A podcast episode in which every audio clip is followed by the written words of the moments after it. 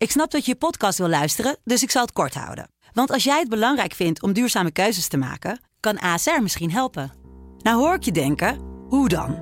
Nou, bijvoorbeeld bij het duurzaam herstellen van schade. Of de premies die we beleggen volgens ons duurzaam beleggingsbeleid. Dat bepaalt waar we wel en juist niet in investeren. Wil je meer weten over welke duurzame keuzes ASR maakt? Ga dan naar asr.nl slash duurzame keuzes. ASR doet het. Zo, dan kan je nu lekker naar je podcast luisteren. Deep Jazz met Hans Mantel. Sublime. Let's get it on.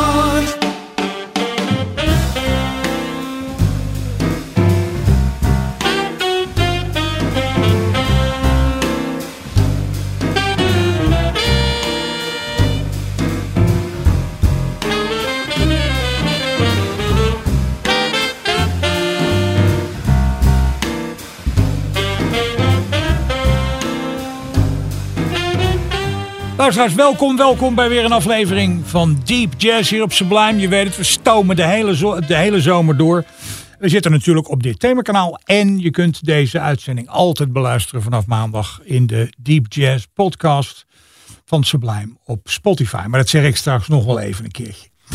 Eh, we hebben een heel vol programma, dus we gaan gauw beginnen. En ehm, ik ben ontzettend blij dat er de laatste jaren ongelooflijk veel met name eh, vrouwen zijn bijgekomen die saxofoon spelen. En niet zo'n beetje zeg, ongelooflijk goed.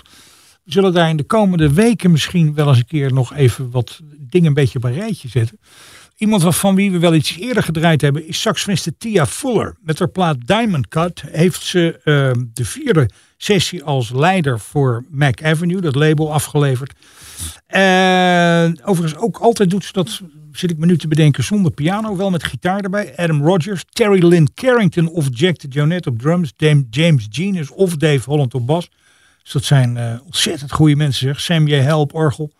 En ehm, nou, laten we maar eens een track draaien van die plaat. Dit is dus die Tia Fuller op saxofoon in een stukje dat heet In the Trenches.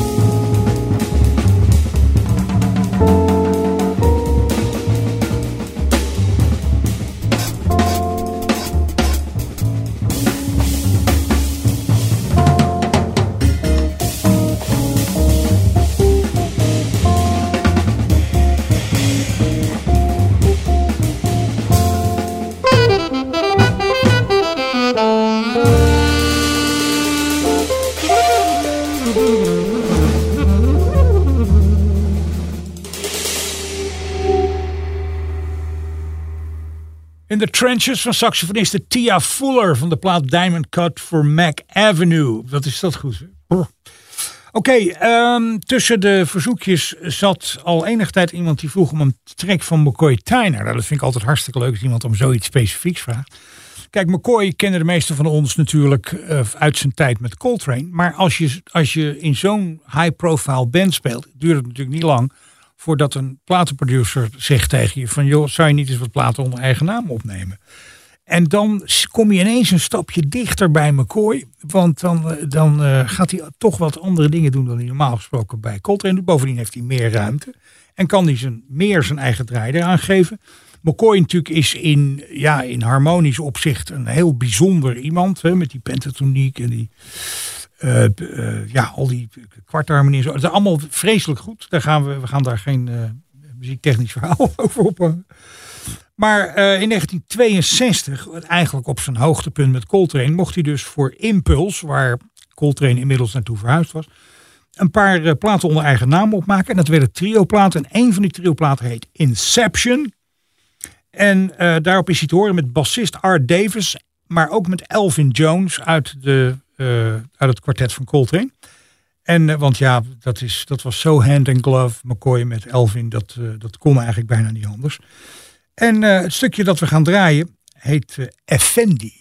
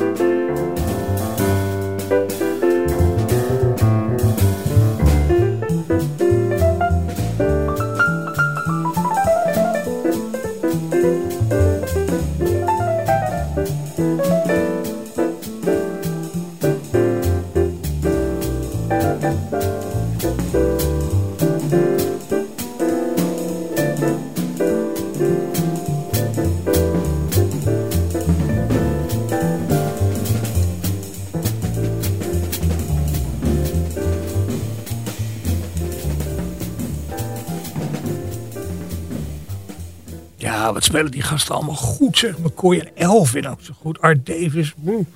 Plaat heet Inception. Het stukje dat we draaien is Effendi. Dus wat mij betreft een moeten hebben plaat hoor. Op Impulse. De plaat heet dus Inception van McCoy Tyner. Toen Kurt Elling eigenlijk eh, ineens in iedereen's aandacht naar voren sprong met een plaat die hij in 2000 maakte, live in Chicago, in de Green Mill geloof ik. Had hij in 2003 een plaat die heette Man in the Air. En daartussen zat er eentje die heette Flirting with Twilight. En hij, was, eh, hij en zijn pianist, Lawrence Hopgood destijds, hadden samen die hele plaat gearrangeerd. En daar toch even de hulp van een paar hele goede mensen bij gezocht. Mark Johnson op bas. Peter Erskine op drums. Nou, dat is natuurlijk ook al hartstikke goed. En een paar blazers, waaronder Jeff Clayton, de broer van John Clayton. En uh, het aardige is dat de plaat opent met een stukje dat we allemaal kennen uit het repertoire van Glenn Miller. Moonlight Serenade, mierzoet stukje. Maar dat is ooit eens opgenomen door het kwartet van Charlie Hayden met, Early, met Ernie Watts. Daar speelt Charlie Hayden een bassolo over dat stuk. Op die bassolo heeft, Lawrence, uh, heeft Kurt Elling een lyric gemaakt. En die heeft hij opgenomen op deze plaat. Dit is dus Moonlight Serenade door Kurt Elling van de plaat Flirting with Twilight. Understand the night when she flashes her sparkling eyes at dusk. She flirts with twilight when the noise of day dies away. The night and twilight stay and stay, making quiet love up high over the town. And the gentle twilight gives his light making a queen of night. If I could, I would write a sonnet of the night as a remembrance of your eyes. And if you'd promise not to tell, I could whisper the words in the dark like a lover. We could count the stars, the shooting stars, and talk of lovers through the ages who had lived out of their dreams. Such will and spirit, courage they needed to live in a dream. To burn with every breath so serene, as if they had been the first to find love at all, like night and twilight. They were the first of lovers ever. Could we be like them? Hold on to one another until dawn comes. Then we'll fly off and dream until night and twilight kiss again.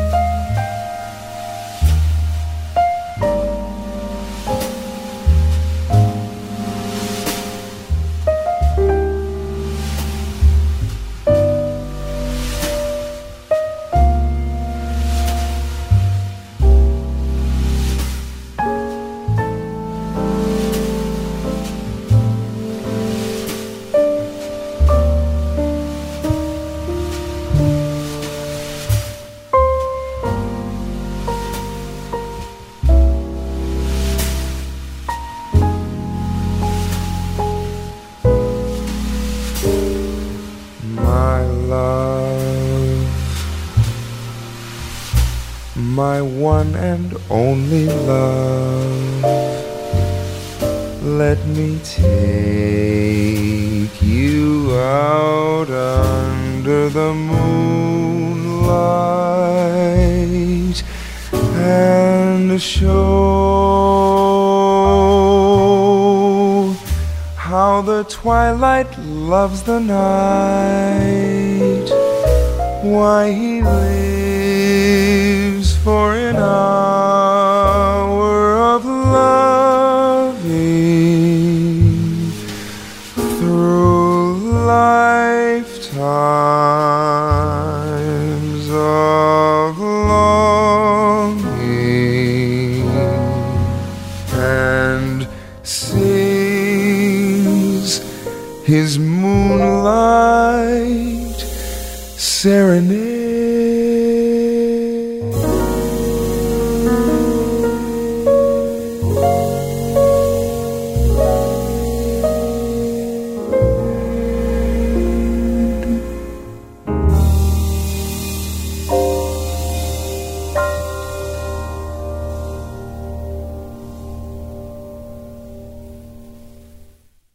Dit is toch prachtig. Het is eh, Kurt Elling van zijn plaat eh, Flirting with Twilight.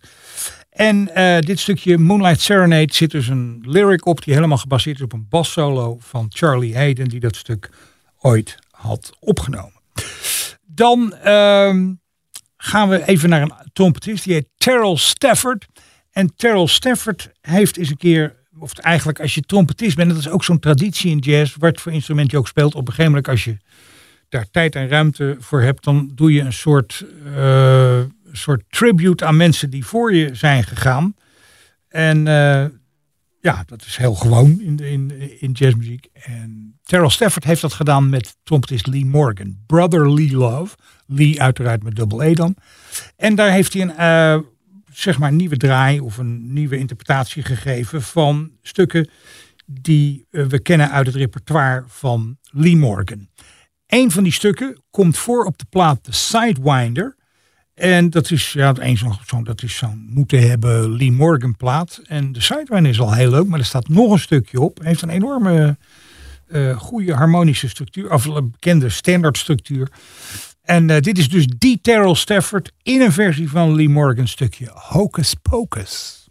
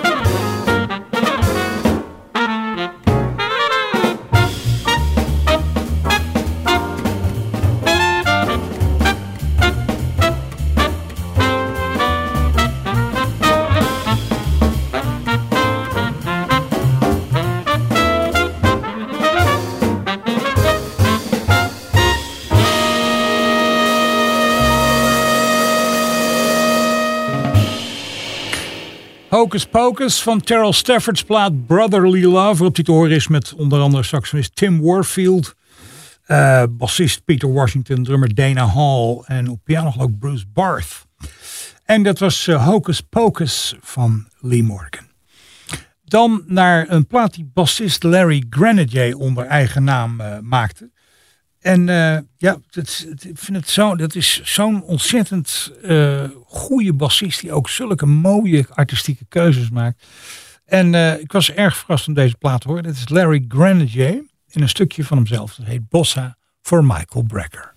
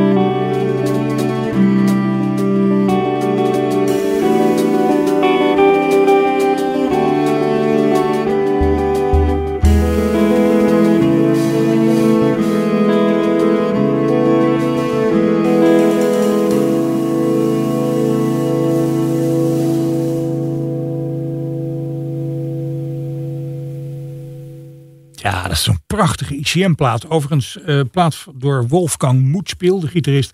Met dus Larry Grenadier op bas en Brian Blade op drums. De plaat heet Driftwood. Dat is een erg mooie plaat. Zou ik gelijk kopen. Ehm, ja, dan eh, omdat het zo warm is en waar je ook zit, misschien met een cocktailtje op het strand, een paar plutje erin. Af en toe moet je even iets kouds hebben. Nou, dat kunnen we misschien doen met een liedje dat we normaal rond kerstmis horen. Maar als je het buiten de kerstsfeer hoort, kan je eens een keer gewoon horen hoe goed dat liedje in elkaar zit. Zonder al die, eh, zonder al die spuitsneeuw en die, eh, en die dennennaalden. Dit is van het trio van eh, Makato Ozone, The Christmas Song.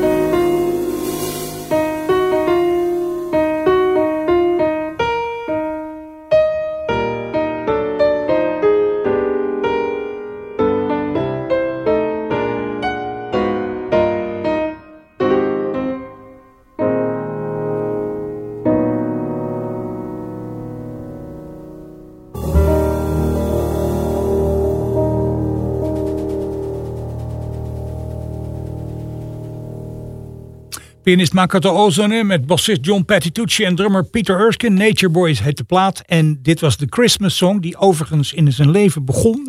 Dat stuk begon het leven doordat uh, Mel Tormé een keer bij Robert Wells naar binnen liep. Op een hele hete dag. En hij zag op de piano staan een tekst. Uh, uh, Jack Frost nipping at your nose. Of het uh, chestnut roasting on an open fire. Met andere woorden de lyric van dit liedje. Zei Mel Tormé, ben, ben jij nou aan doen? Kerstliedje aan het schrijven? ja, het was zo heet. Ik wou even wat cools hebben. Dus nou ja, vandaar dus. Uh, volgende plaat is van gitarist Mark Whitfield. Een van de eerste platen die hij als leider maakte. Onder andere met, uh, ik geloof dat Nicholas Peter erbij zit. Roger Whittaker op bas. Allemaal dik voor elkaar. Het is Blues for Davis Alexander.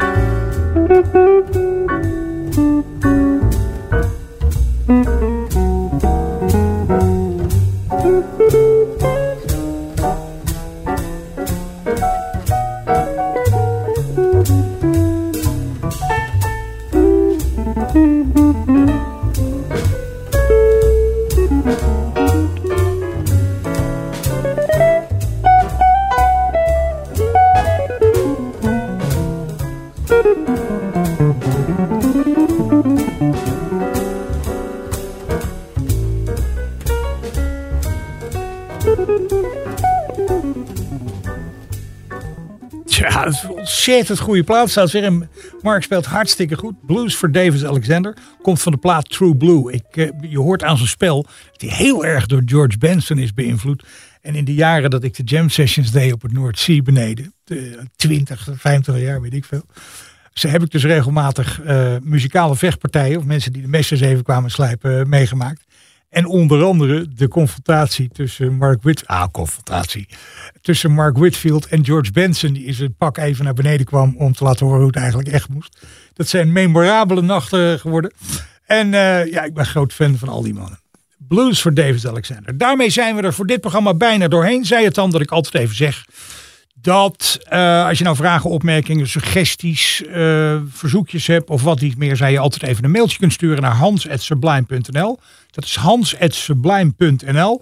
En vanaf maandag staat deze uitzending natuurlijk weer integraal in de uh, Deep Jazz podcast van Sublime op Spotify. Met de playlist en het hele archief met alle voorgaande dingen. Dus je hoeft niets van deze aflevering, tenminste waar je ook ter wereld dan uh, onderuit uh, op het strand ligt met een cocktailtje en een parapluutje erin. Het laatste stuk van vandaag is uh, een popsong, zeg maar, geschreven in 1961 door Gilbert Bécaud. heette in de originaalfassong heette die Et maintenant. Vervolgens is hij zo ongeveer door iedereen van Elvis Presley tot Sinatra en, en Shirley Bassey en Benny King opgenomen. We hebben een instrumentale versie, lekker Hammond orgel erbij, een beetje een groovy dingetje eronder, waarom ook niet. Uh, dit is What Now, My Love, door organist Joey De Francesco. Wat Dennis en mij betreft heel graag tot volgende week. Dag!